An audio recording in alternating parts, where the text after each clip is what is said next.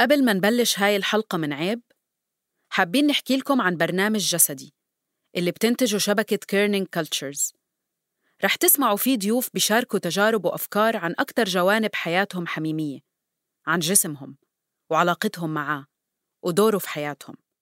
كل خلية بجسمي كانت ترجف. كنت حاسة إن أنا عايزة أخرج من جسمي. رح تسمعوا قصص مختلفة بتدور حوالين التعايش مع القالب اللي انولدنا فيه بكل ميزاته وقصوره. بتقدروا تسمعوا جسدي على أي تطبيق بتستخدموه لسماع البودكاست أو تستخدموا الرابط الموجود بوصف الحلقة اللي عم تسمعوها هلأ.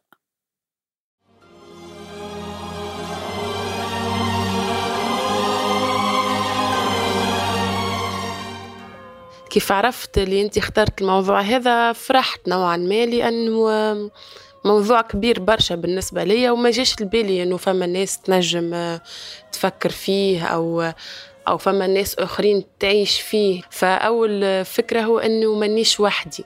لأنه أنا في العادة الأفكار ولا القصص اللي نعيشها في داخلي ما نتقاسمهاش مع غيري. فما نعرفش إنه فما ناس كيف تفكر ولا تعيش في حاجة من نوع هذا.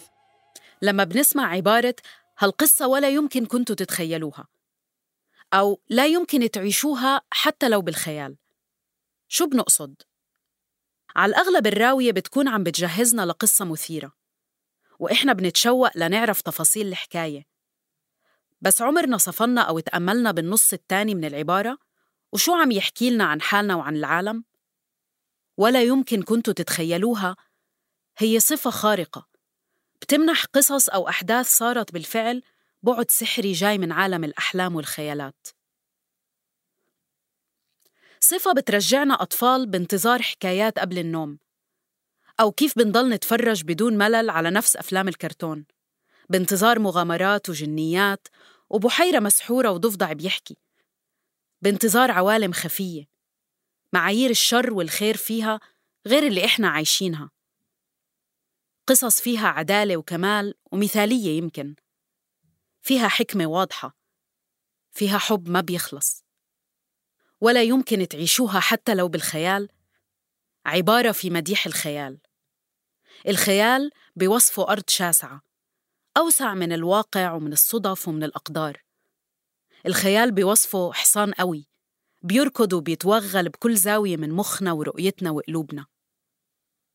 بس كمان عن الخيال كونه فعل إنساني وفعل متكرر ومستمر بضل معنا جواتنا. حتى لو كتير مننا بيهملوه أو بينشغلوا عنه أو بيخافوا منه.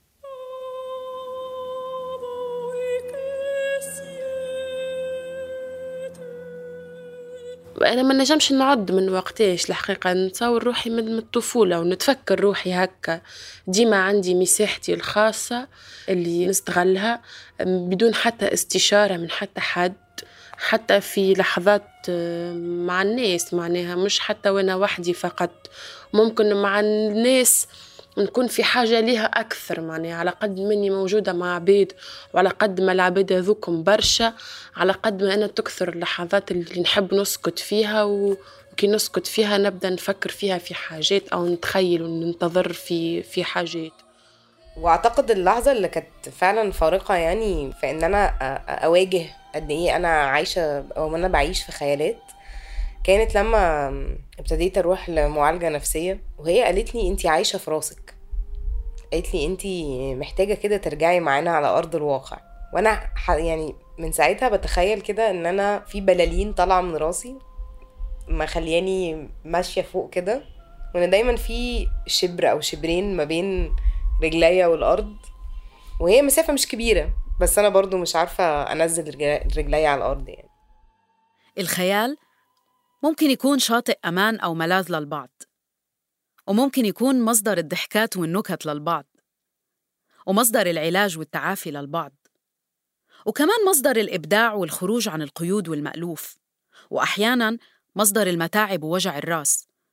كل وحدة وواحد على حسب واقعهم وعلى حسب الباب اللي بتفتحه لخيالها وشو بتعمل فيه وقديش بترعاه وبتغذيه أو قديش بخاف منه وبيخبيه.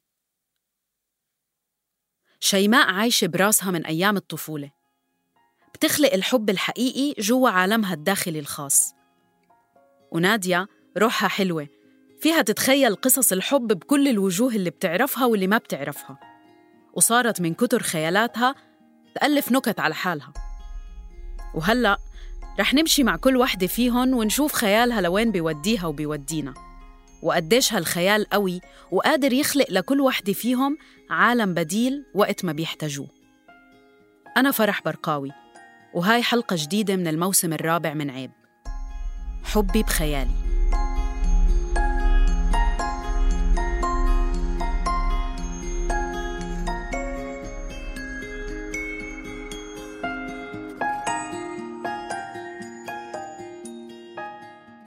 طبعا أنا عندي حاجات شنيعة ممكن أقولها عن موضوع الخيالات ده. في حاجات حقيقي فضايح. في حاجات مضحكة. بس هما في الآخر هما حالتين أنا عشت بيهم وقت كتير من عمري. إن أنا عندي كراش على حد وإن أنا بعيش خيالات في راسي.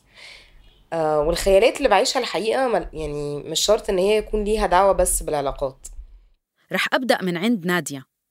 من مدينة القاهرة اللي تربت فيها ببيت وسط عائلي مشحون ومحافظ. بيت اكتشفت وهي عم تنضج وتكبر فيه إنه ما بيشبه طموحاتها وما بيساعدها تكون على طبيعتها. ومن هون بدأت تسرح بخيالاتها.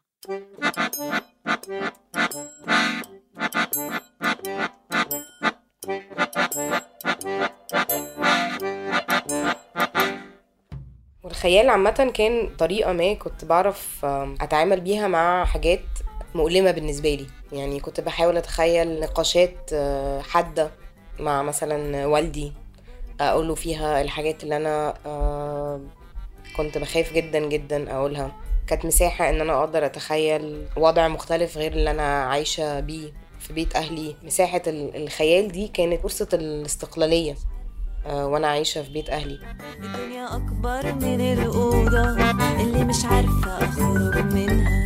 يمكن مزاجه الليلة سامح أو حالف اني بس على قد ما كانت نادية بتتخيل على قد ما كانت بتحس إنه أمنياتها مش ممكن تتحقق.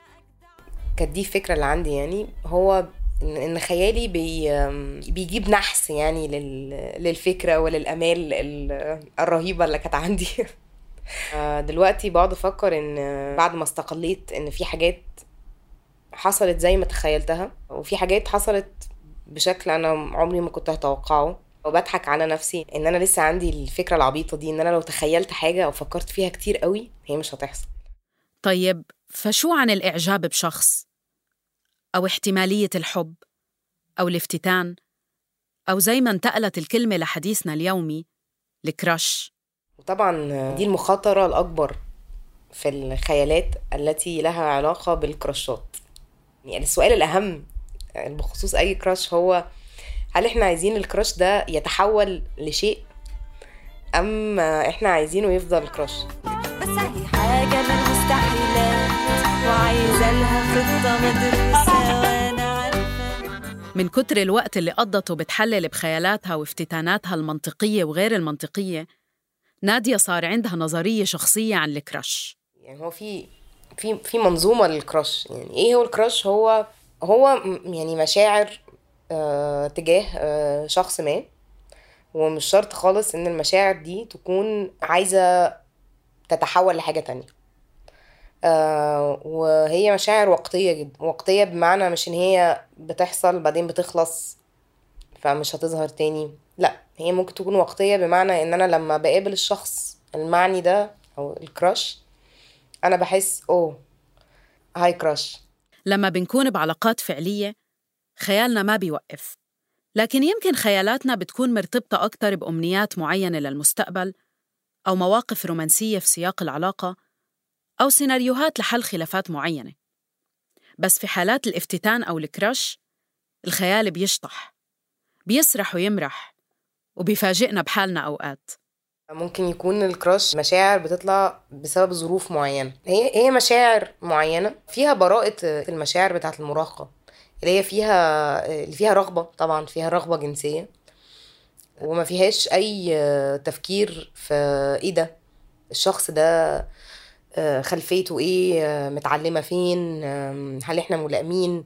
هي بس مجرد آه، انفجارة كده مشاعر وأنا بحس بالنسبة لي يعني إن هي مشاعر بتطلع عشان هي محتاجة تطلع. نادية بتشوف إنه المشاعر الكامنة جواتنا هيك هيك رح تطلع. في ناس مننا بتكبتها وفي ناس بتطلعها بصورة علاقات رومانسية واقعية. وفي ناس مثلها بيهضموا وبيطلعوا مشاعر كتير من خلال علاقات خيالية وهمية مثل الكراش. ساعات بفكر ممكن أبقى شخص بولي امرس يعني بي يعني في علاقات حب متعددة. وبعدين بحس إن أنا غالبا ما أعتقدش إن أنا هعرف أعمل ده. بس أنا في نفس الوقت آه، عندي العديد من الكراشات في نفس اللحظة. وبيروحوا وبيجوا بقى. يعني جايين رايحين رايحين جايين. ومع الوقت نظرية نادية عن ال crushات وسعت. وأخدت بعد لغوي كمان. يعني أنا دايما بربطها في ذهني إن هي كلمة إنجليزي. زي ما إحنا بنقول boyfriend girlfriend بال... وإحنا بنتكلم بالعربي. لحد ما أدركت مرة كان واحد آه، عنده crush عليا. وهو ما بيتكلمش إنجليزي. كان بيقول عليا إيه الكراش وأنا ساعتها حسيت إن إن يعني دخول كلمة كراش في اللغة العربية له أبعاد أخرى. إن هي كلمة كده تخص آه، مشاعر آه، ناس كبيرة. مش بس مشاعر ناس في المدرسة. وبالذات نبقى قدامها ألف لام يعني الكراش كده بقت حاجة كده جد جدا يعني زي المرتب آه، الوظيفة الكراش حاجات كده adult belongings يعني أشياء تخص ال- الناس الكبيرة. الدنيا أكبر الدنيا أحلى الدنيا أوسع الدنيا أرقى الدنيا أكبر الدنيا أحلى الدنيا أسرع الدنيا أوسع. الدنيا فيها وبينما كبرت نادية بالقاهرة هي ونظريتها عن خيالاتها وكرشاتها. في مدينة ما من تونس كبرت شيماء وكانت آخر العنقود اللي ما كان مرغوب أصلاً بقدومها للحياة. لكنها أصرت تيجي على الدنيا وصار عمرها 27 سنة وعم بتعيش مع خيال من نوع تاني. ما نعتبرهاش مسألة خيال فقط يعني الخيال نعتبره مرتبط برشا بالإبداع وبال وبالفعل ويعني اللي يستفزك باش تخلق الخيال. لكن ممكن نسميها حياة داخلية إنه الإنسان يعيش في داخله حاجات ويخلق شخصيات يعيش معاها آه، كل يوم آه، الصمت عنده ماهوش صمت كما كما يعيشوا أي عبد آخر ماهوش فراغ. بالعكس يعني الصمت هو لحظات آه، متاع عيش مع الذات كبيرة برشا. إنك إنك تعيش مع روحك مع شخصيات انت خالقها وتنجم الشخصيات هذيك ما يكونش عندها وجوه. ماكش قادر إنك تتخيل لها وجوه فتلصق لها وجوه أخرى من الواقع متاعك. الخيال كان مختبر شيماء الذهني. مخبأها السري اللي بتركب فيه قصص حب يمكن بعمرها ما تعيشها. وتخلق فيه شخصيات مش موجودة وبحياتها ما رح تشوفها. وطبعا هذا الكل فيه تعويض كبير لكل شيء ما عشتوش ولا ما ما جربتوش ولا ما حسيتوش. نعيشوا وقتها ونعيشوا معناها نعيشوا نعيشوا بشكل مادي. نحسوا نحسوا نحسوا ماديا معناها ماهيش فقط نتخيلوا نشوف صور وانتهى معناها. الحكاية تعيشها حتى جسديا يمكن لو في بيني وبينك حكي غمضوا عيونكن. خدوا نفس عميق. وتخيلوا إيد حبيبكم أو حبيبتكم عم تلمس كتفكم. عم بتزبط خصلة شاردة بشعركم. أو عم تضغط على إيدكم بحب وقوة. شيماء بتعيش هذا الخيال. لكن وعيونها مفتحة وسط الأصدقاء. وبدون وجود لحبيب حقيقي تتخيله. وكأنها بتحضر حالها في كل مشهد لمقابلة حبيب عمرها اللي ما بيوصل لعندها لحد هاللحظة إلا بالخيال. نعرف روحي اللي أنا ديما في حالة متاع انتظار. مشاهد الصدفة ديما تتعاود وأنا نكون قاعدة في كافيه ونلمح شخص دخل أحيانا نلمحه نلمحه يعني وأنا قاعدة مع الناس ونلمحه بشكل مادي يعني نبدأ نخزر له داخله باش يفاجئني أو أو يلمسني على كتفي هكا وأنا من, من نفيق بيه خلفي. أو ديما هناك شخص باش يجيني وقت اللي أنا في حاجة ليه وباش يفاجئني وباش يسعدني وباش يهزني للمغامرة و- ونمشي معاه وديما هكاك يعني مسلمة نفسي بشكل تام. وبتسرح شيماء وبتطلع من المكان والزمان مع حبيبها المتخيل بينما هي عم تبتسم أثناء حديث بين الأصدقاء. أحيانا نبدأ مع أصحابي وأنا في مخي أنا في البحر في اللحظة هذيك ن- ن- نعوم مع شخص أو مش عارفة أو نتسلقوا في جبل أو كل مرة يعني مغامرة غريبة. شجر أو شي جسر حديد. وحفاظاً على حياة خيالها في كل الأوقات طورت شيماء مهارة الوجود في مكانين بنفس الوقت وبدرجة تركيز عالية.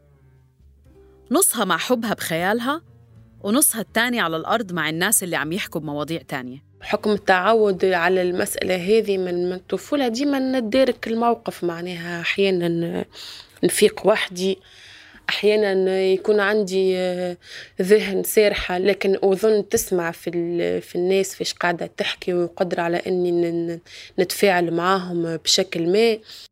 بس أوقات هذا الشرود ممكن يخلق نوع من الحساسية عند البعض أو الإحساس إنها متعالية أو غير مهتمة بالناس لأنه صعب يتخيلوا وين سرحت بمخها. خاصة الناس اللي نقابلهم أول مرة وثاني مرة يعني في لقاءاتنا الأولى ديما ياخذوا عليا فكرة شيمة الصامتة وشيمة اللي تدعي الحكمة وشيمة لا مبالية باللي داير بها وما يعنيهاش إحنا في شنو نحكي وفي وقت اللي أنا أبعد ما يكون على هذاك نبدأ نعيش في في مغامرة من أتفه ما يكون أكثر سريالية من اللي نجموا يتخيلوه. يمكن في طريق جديد بيني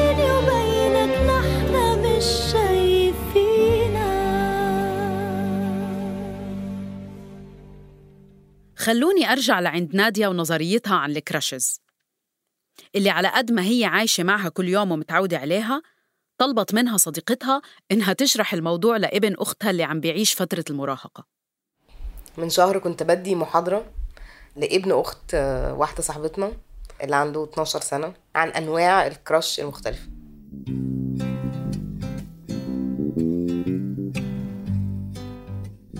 في بقى كنت بقول له إن في في كراش المستحيل اللي هو لما يبقى حد ميت.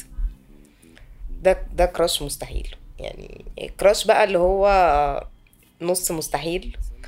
آه يعني حد ميت اللي هو لو إحنا بنكرش على كاتبة مثلا أو كاتب يعني بنحس اللي هو الفشاخة دي. النص مستحيل لما عندنا كراش مثلا على براد بيت هو ساعتها طبعا قال لي يعني براد بيت مش مستحيل. قلت له والله ربنا قادر على كل حاجة. بعدين انتقلت نادية بالشرح للكراشز الأكثر واقعية. يا عم القصة مش حرزانة تحبس حالك جوا خزانة. بعدين قلت له يعني دي حاجات بقى دي يعني دي مستويات إحنا ما بنفكرش فيها قوي. قلت له بس في بقى هو في الكراش اللي هو العادي اللي هو الكراش اللي كل يوم كده اللي هو يعني حد من جيراني بشوف إن هو أمور مثلا فبحس اللي هو آه صباح الخير يا كراش. أو آه يبقى في بقى الكراش اللي هو نحب يبقى في حاجة بس لا مش الدرجة دي. يعني أفضل إن هو يفضل كراش يا ريت البيت يكون ضاوي يا ريت تكون البيت ضاوي يا ريت. الكراش ممكن يكون بأوقات صادق وفي إعجاب حقيقي. بنت ذكية أو شاب وسيم أو شخص سكسي وممكن يكون مرتبط بمشاعر ما إلها علاقة بالحب. بل بالملل والزهق والإحباط بضغوط سياسية أو اقتصادية أو بظروف عملية بتخلي شي مستحيل يصير جذاب ومحمس ومثير افتتان أو كراش ظرفي أو موسمي مثل ما بتسميه نادية. في الكراش كراش بقى اللي هو الموسمي ده اللي هو مثلا أنا عندي كراش بيطلع كده في فترة معينة في الشغل بنبقى مفروض نعمل حاجة معينة ناس من أقسام مختلفة. بنشتغل على حاجات مختلفة. وأنا ببقى زهقانة جدا. كان عندي كراش على زميل آه، أنا ما كنتش اتعرفت عليه يعني قبل هذه اللحظة. إن أنا أفكر فيه كان بيهون عليا إن أنا بنزل الساعة 8 الصبح أروح أعمل الشغل أنا مش عايزة أعمله. سونا يا سنسن جيت لك أهو. قبل ما عدنا كمان هنا. والخيال صديق الملل صديق الزهق. صديق الأوقات اللي بس بدنا نخلص فيها من الموقف اللي إحنا مجبورين عليه. وهو متجوز ومخلف آه، في أي ظروف أخرى. ما أعتقدش إن أنا والشخص ده كان ممكن يكون بينا أي حاجة. بس أنا حقيقي يعني بشوفه الصبح كده وبحس صباح الجمال يا قمر. وبقعد بقى أسبله أو آه، نطلب شاي مثلا أو قهوة فالشاي بتاعي يجي أو ما اخدش بالي فيجي يجيب لي الشاي فيقول لي أنتي نسيتي الشاي بتاعك. فأنا أفضل أبص له بصة بلهاء كده وأبقى حاسة اللي هو إيه الحنية دي؟ وأقعد ساعات أتخيل خيالات جنسية. بعدين بعدين أفكر نفسي إن هو مراته لسه والدة من شهرين. جيت وبنايا أشوفك جيت جيت يا عينيا لحد ما مدة الشغل اللي بنعمله سوا ده بيخلص أنا بفضل يعني بفضل عندي مشاعر الكراش دي على الشخص ده. بس برغم طرافته ووهميته ويمكن هبله أوقات الكراش بيكون بالنسبة للبعض منا الفرصة الوحيدة اللي ممكن نشارك فيها أفراد من عائلاتنا بقصص مغامراتنا أو مشاعرنا لأنه مش حقيقي وما بيشكل تهديد على صورتنا قدام عيونهم المحافظة أو ما بيحطنا بمواجهة مع أفكارهم وموانعهم اللي ما بتمنحنا فرصة إنه نحب. أول بقى ما قابلته كنت آم، دا- دايبة في الكراش تماما كنت بقعد بقى إيه أبعت لأمي أقول لها بحبه. تقول لي بتحبي إيه بس وزفت إيه. تقول لي هو مامتي بتجاريني كده. بتقول لي ينفع يعني؟ وأقول لها لا متجوز. فتقول لي طب خلاص بقى. وأقول لها بس هو أمور. فتقول لي وريني صورته. فاوريها صورته من على الفيسبوك. فتقول لي استغفر الله العظيم يا رب. يعني كده يعني. جيت يا هنايا وجه ويايا ضيفك من المدرسة للبيت. وفي حين نادية شاردة بزميلها اللي بيطل عليها مرة بالسنة شيماء قاعدة عم ترسم حبيبها في ذهنها. بتصنعه لأنه ما في حدا مثله موجود على أرض الواقع. ما بتروح ولا بتيجي. بتضل جوا راسها وبتخلق الشخص اللي بدها إياه بخيالها. وبما إنه شخص عايش بخيالها فهو شخص صفاته ممكن توصل درجة الكمال سواء من ناحية الشكل أو الذكاء أو التصرفات. بالنسبة لشيماء هي مش مضطرة تتنازل عن أي شيء في خيالها. فليش لأ؟ أكيد إنه إنه وسيم جدا. أسمر أكيد وطويل. كنت ديما نقولها لأصحابي هذيا طويل وأسمر. كما يقولوا المصريين أنفه مذبب شوية مش كبير وفمه زاد كيف كيف صغير وعينيه كبار وشعره أكحل وأرطب زاد يلزم يكون. لكن ما نعرفش الحقيقة منين جمعتها الصورة هذه. بعدها ضحكت شيماء على حالها وقالت لي إنها على الأغلب الصورة النمطية للرجل الوسيم وخاصة الشرقي. بس طبيعته وخصاله لهذا الشخص اللي بتخلقه مش كتير إلها علاقة بالصورة النمطية.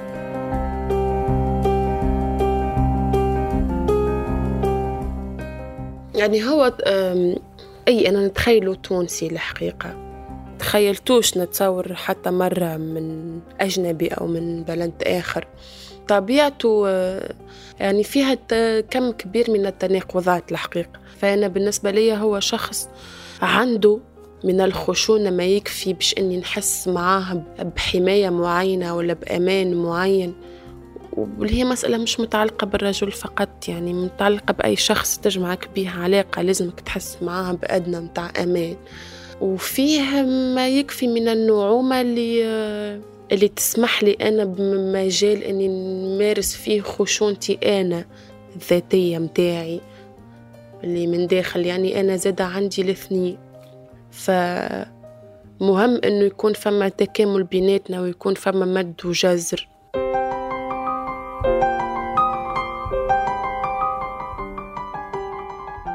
وبالنسبة لطبعه ما نجمش نعدد الحقيقة. فيه كل الطباع ال- الجميلة في العالم. لكن الأكيد هو يعني أهم حاجة هو آه، يفهمني وحده من غير ما نحكي. هاي الأمنية مش جاي من فراغ. برغم إنها شخص اجتماعي ومتحدثة بارعة إلا إنه شيماء بتسكت كتير لما الموضوع يكون بخصها. وبتضطر تبذل مجهود مضاعف كل مرة عشان تفهم الشخص اللي قدامها مشاعرها أو شو عم بيدور بذهنها أو شو عاشت بتجربة معينة. هالشي كمان خلاها تتخيل حبيبها قليل الكلام مثلها. ما يحكيش برشا الحقيقة. عنده آه، خصوصية كبيرة وأنا نحترمها. عنده لحظات يصمت فيها ويمارس فيها صمته وحدته ويحترم كيف كيف لحظات اللي أنا ما نحبش آه، نتكلم فيها ونتصور هذا عشته برشا معناها. فما لحظات تاع صمت آه، طويلة عشناها مع بعضنا معناها. بس رغم قلة كلامه وصمتهم المشترك حبيب شيماء المتخيل داعم جدا وبيحكي وقت اللزوم الكلام الصح. أكيد هو شخص يشجعني برشا يفكر معايا. عملنا أحاديث مطولة الحقيقة في في مشاريع نحب نعملها ولا في حاجات نحب نكتبها. لكن رأيه ديما داعم ليا معناه مش بس داعم.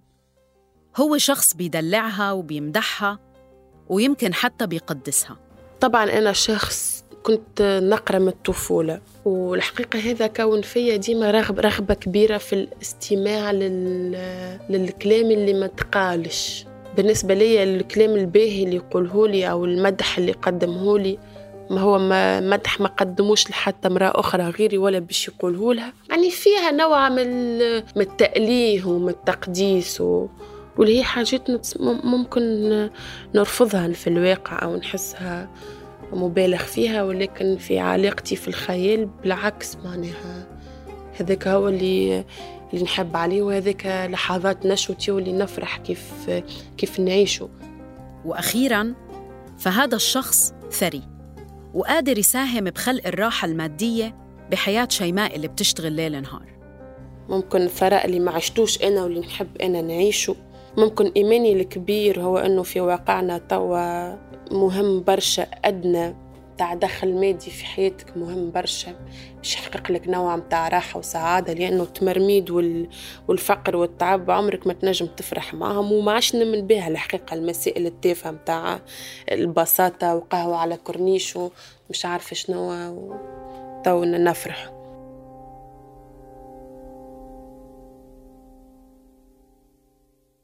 أما عن كرشات نادية والمخاطرة المتعلقة بالخيال فإمتى بيجي دور الكراش اللي بدنا إياه يتحول لشي فعلي؟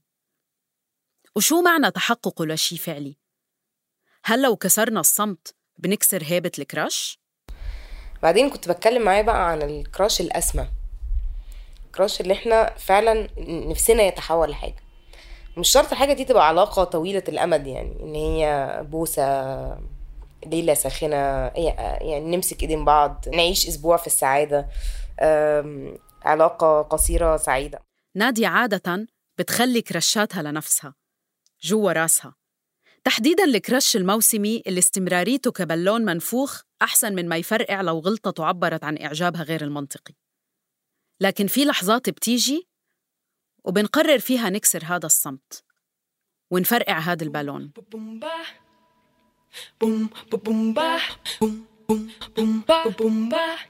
مرة كنت راجعة القاهرة على الطيارة وكنت لوحدي و وأنا كنت دخلت بدري الطيارة و... وقعدت في الكرسي بتاعي ودخل واحد زي القمر. يعني هو دخل الطيارة كده وكان شكله قرفان جدا شكله مش طايق حد. وقعد بقى في الكرسي اللي ورايا. وأنا قعدت كل شوية كده أختلس نظرات عليه وكان عندي كراش يعني في ساعتها. يعني هو كراش اتولد في لحظة. وقعدت أقول طب أتكلم معاه طب بعدين طب أعمل إيه أم... هتكلم معاه أقول له إيه هقول له هاي أنت عاجبني I wanna settle down. I wanna settle down. Won't you settle down with me? Settle down. كيف فينا نحكي مع الغرباء الفاتنين؟ أغلب الوقت ما بنحكي بنراقب من بعيد وتحديداً على الطيارة. بنراقبهم ليناموا ويغفوا ويفقدوا رومانسيتهم. أو إحنا نغفى بشكل مضحك وتتحطم صورتنا قدامهم لو كانوا شايفيننا أصلاً. بس نادية قررت تعمل شي هاي المرة. ففي آخر الرحلة كده فأنا طلعت النوتة بتاعتي وقررت إن أنا هكتب له يعني ورقة وإن أنا هديها له. وكتبت له إن إن في دايما مرة أولى لكل حاجة وإن دي أول مرة في حياتي أعمل حاجة كده. وإن أنا معرفش هو قاعد في القاهرة قد إيه. بس لو هو قاعد آه، كام يوم فممكن يبقى لطيف إن إحنا نشرب حاجة مع بعض أو نتعشى أو نركب فلوكة. وقلت له دي نمرة تليفوني.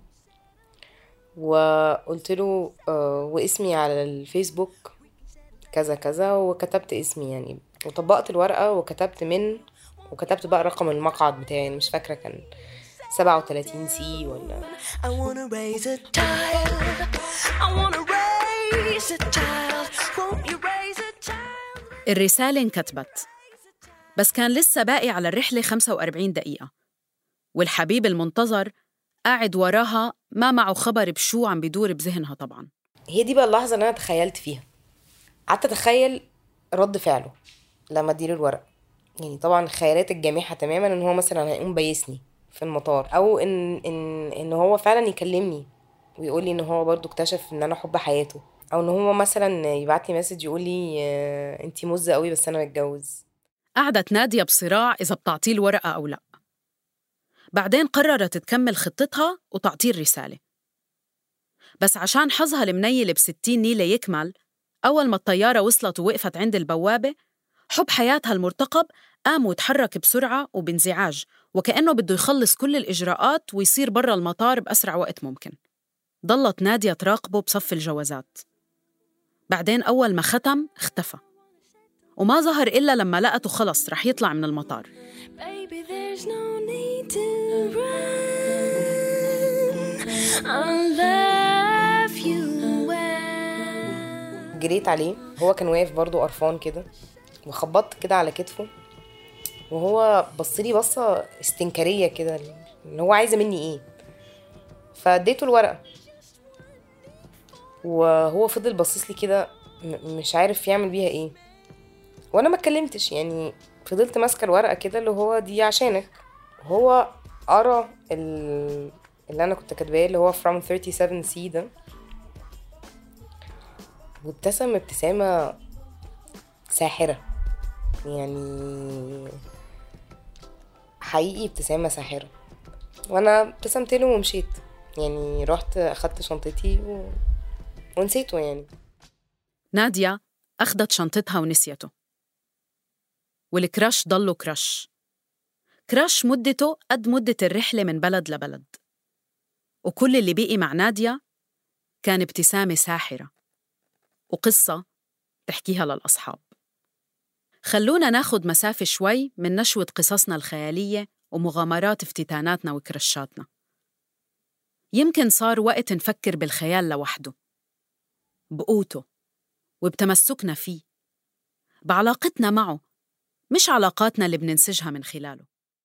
صحيح هذا ما نصدروش للناس اللي دايرة بيا لكن أنا في داخلي نشك برشا نشك في مشاعري نشك في قناعاتي نشك في أفكاري ولا أؤمن بالثوابت الحقيقة جملة بالنسبة لي هذا أمر ميتافيزيقي. نؤمن بالتغيير الدائم تغيير المواقف تغيير المبادئ تغيير الآراء كل شيء بالنسبة لي آه، متغير ومتحول. وبالتالي آه، التشكيك هذا الدائم في كل شيء يخلي الخيال بالنسبة لي نوع من الهروب معناها نوع من من الحقيقة. مع إنه كتير أشخاص مننا ممكن يكونوا عدميين أو مشككين في الثوابت والقيم أو غير مؤمنين بالرومانسية بالسياق الواقعي إلا إنه بيضل عند بعضهم جزء داخلي. ممكن نقول عنه روحاني أو حتى احتياج أساسي. جزء بيحتاج لوجود حقيقة ثابتة بداخلهم ولو كانت صغيرة أو حتى كليشيه. وهون ممكن يجي دور الخيال. كمساومة ما بين الشك اللي بنمارسه بشكل واعي وبين الحقيقة المنشودة اللي بنتمناها في سكون أرواحنا.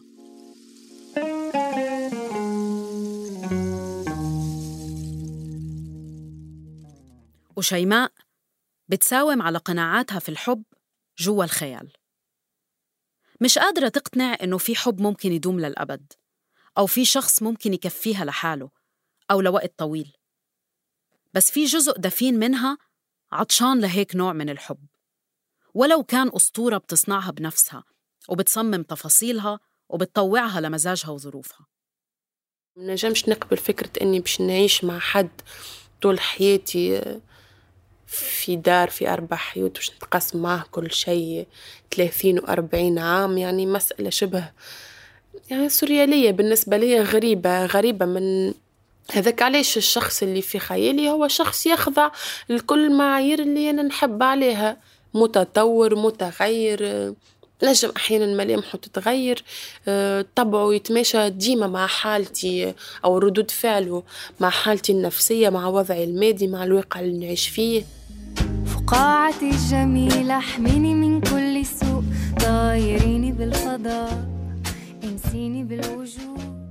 وهاي القدرات السحرية بالتغير والتطور بتخلي حبيبها الخيالي لشيماء شريك حقيقي ومناسب أكتر بكتير من الشريك الواقعي وكل التنازلات اللي بتيجي معه سواء عشان المجتمع اللي هي عايشة فيه أو حتى لمجرد إنه هو بشر وعنده عيوبه وميزاته البشرية اللي هي لحد هاللحظة مش حاسة إنها بتستاهل تطلع عشانها من خيالها وتطور استراتيجيات مريحة للتعامل معها أو حتى تخاطر بقلبها. مش كيما الشخص في الواقع المادي اللي أنت لازمك تقبله تقبل عيوبه تقبل مساوئه تقبل العباد اللي دايرة بيه وتقبل إنه ما يتبدلش على خاطرك وإنه عنده خصوصيته وإنه وإنه وإنه وإنه. على حساب على حساب برشا حاجات أنت موجودة في حياتك يعني كم كبير متاع التنازلات لازمك تقدمه. انت مش نجموا يحزنوك حياتك الكل معناها من غير ما تكون واعي بالشي هذا. الهوى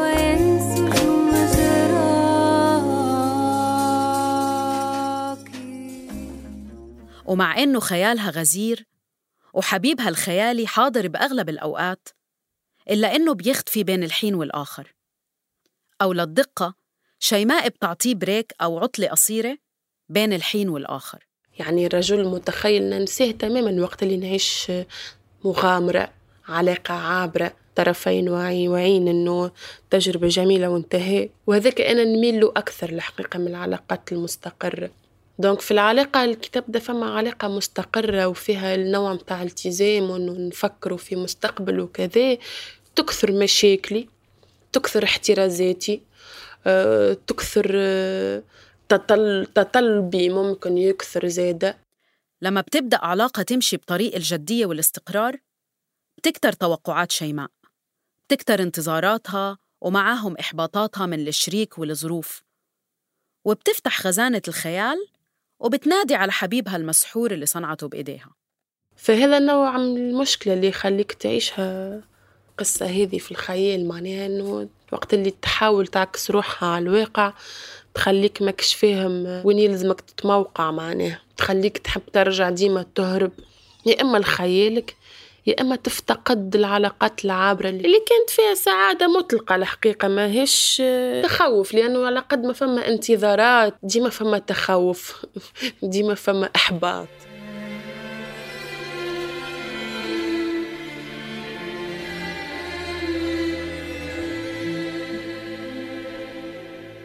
الخيال بمطرح ممكن يكون مهرب أو ملاذ بدل الالتزام بعلاقات ما بترضينا أو بتخذلنا وبتستنزفنا. وممكن للبعض يكون بمثابة شبح المثالية والكمال اللي بيعكس قسوة العالم وقسوتنا على حالنا بيلاحقنا وبيخرب محاولاتنا الواقعية في الحب واختبار تجربة إنسانية. وبمطرح ثالث الخيال ممكن يكون محاولة مننا لترميم حب عم بنعيشه. لتزويق الحياة اللي بنطمح لها مع شخص. لتمني إنه وحدة تشوفنا وتحبنا مثل ما إحنا. أو حدا يفهم قيمتنا ويقرر يستثمر بحبه معنا. إن الخيال ساعات ممكن يبقى مشكلة شوية في العلاقات اللي إحنا عندنا فيها أزمات ما. مثل إنه الشريك ما يكون عم يعطي وقت والتزام كافي للعلاقة. أو يكون بعيد مكانياً أو حتى فكرياً. يعني أعتقد ممكن أقول عليها علاقة اللي أنا فيها دلوقتي إن أنا بفكر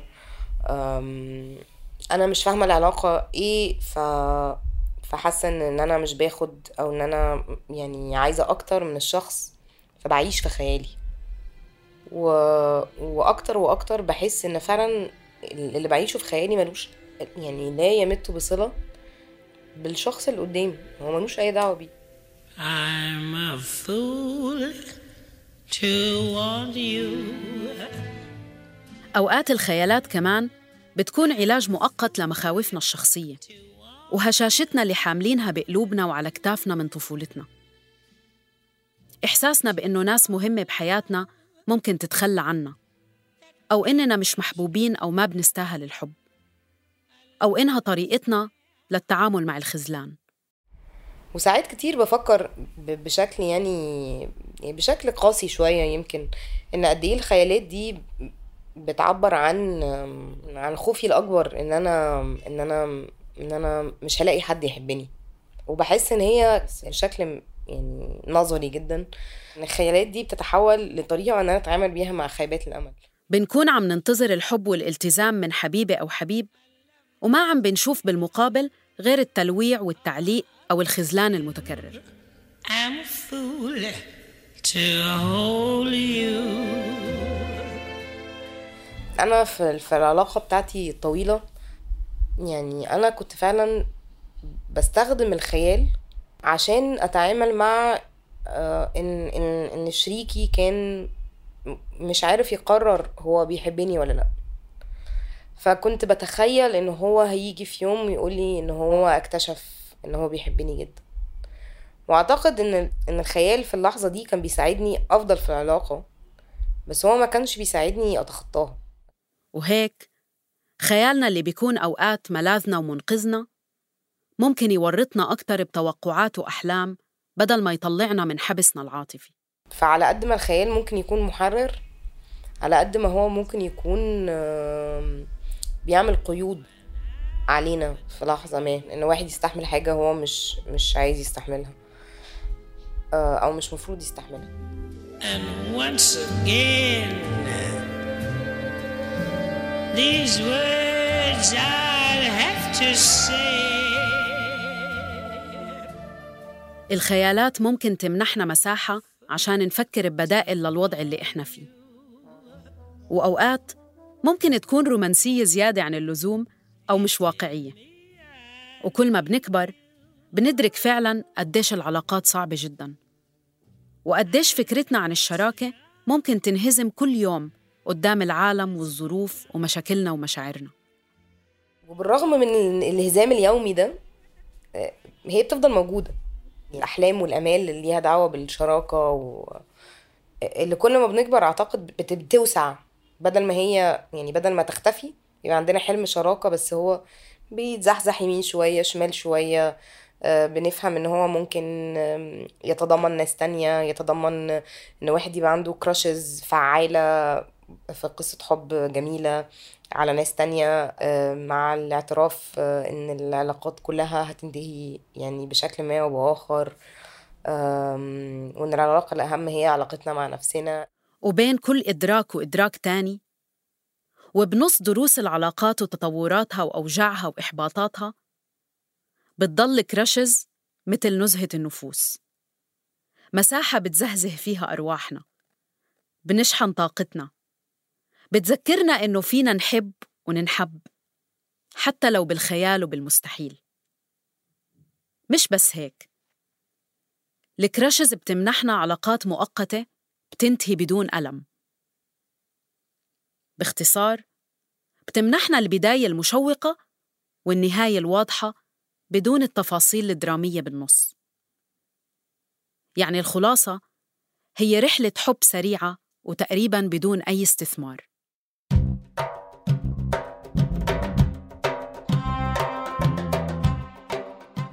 بعدين بيحصل حاجة كده يعني كأن زي- أفلام الكرتون كده. حد بيصحى كده من النوم يحس اللي هو إيه إيه الهبل ده؟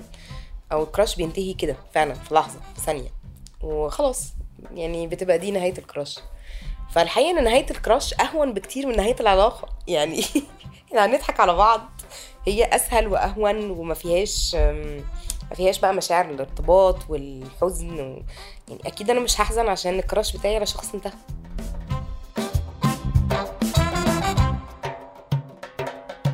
حديث نادية عن الكراشز بهاي السهولة ذكرني بعكس الشي عندي بالضبط.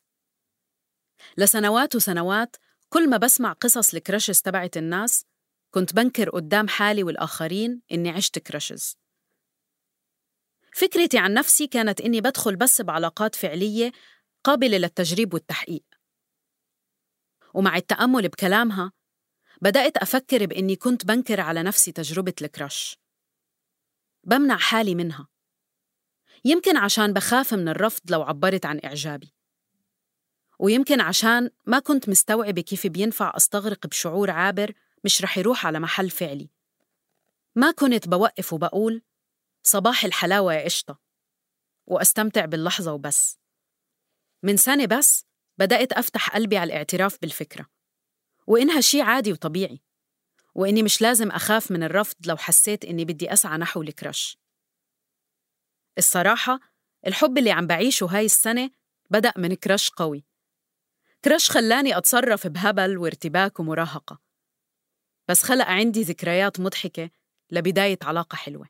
طالعة من بيت أبوي رايحة البيت الجيران سلم علي يمكن الحلو زعلان. أنا بحس إن الكراش دي حاجة صحية جدا. يعني هل يعني هل إحنا هنقدر يعني ننكر إن حتى أطول العلاقات وأطول الجوازات و آه، يعني حتى اسعدهم إن مفيش حد بص لحد تاني إن مفيش حد فكر في حد تاني إيه ده؟ هراء. حاجة ساذجة جدا يعني. بس في ناس بتغير حتى من الممثلين يعني. أنا أنا والدي كان بيغير جدا عشان مامتي بتحب توم هانكس. وكان بينزعج جدا مثلا لما لما بنتفرج على الفيلم فهي تقول مثلا شوفوا الحلاوة. بس لما كبرت شوية فهمت إن هو راجل ما عندوش ثقة في نفسه. فهو مهدد بممثل أمريكاني في التلفزيون على برنامج على قناة تانية. يعني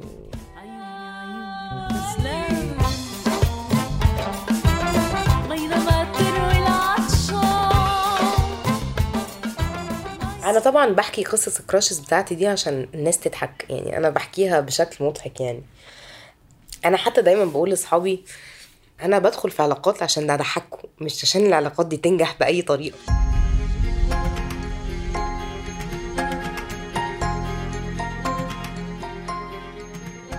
وهيك خلصت الحلقة السابعة من الموسم الرابع من عيب من إنتاج صوت. غيرنا اسم واحدة من الشخصيتين حفاظاً على خصوصيتها.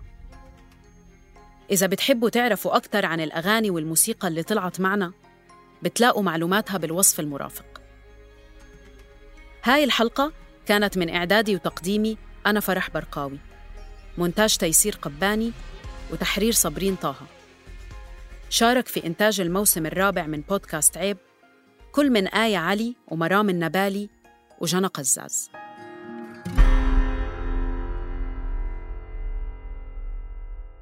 إجاكم صندوق الفرجي عند إخبار وأشياء فرجي كيف صندوق الفرجة خلينا نشوف كليب بوس الواوا. وشو وصل حمو بيكا ل New York Times زي زمان نفسي أشوف واحد الكلام على جرح الحكاية خلف شو جاب رشيد طه ل Grendizer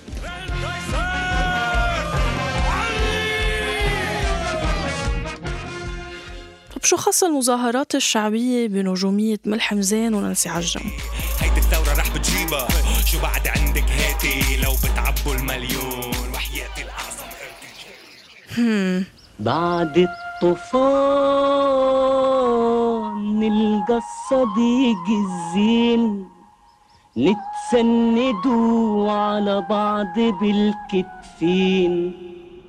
أو شو الرابط بين النكسة؟ وبين عازف تايه بصحراء سينا بودكاست دمتك بموسمه الثاني رح wonderful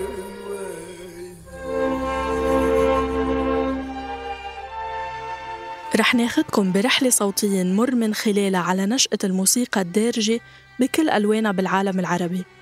ورح نتعرف على فنانين شكلوا ثقافة جيلنا الموسيقية.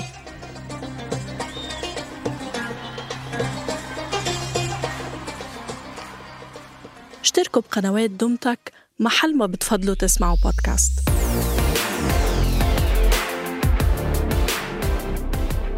ابحثوا عن دومتك D O M T A K على كل التطبيقات من Apple Podcasts و Google Podcasts وأنغامي و SoundCloud و Spotify و Stitcher وغيرهم انتظرونا بحلقة جديدة كل أسبوع. doğdum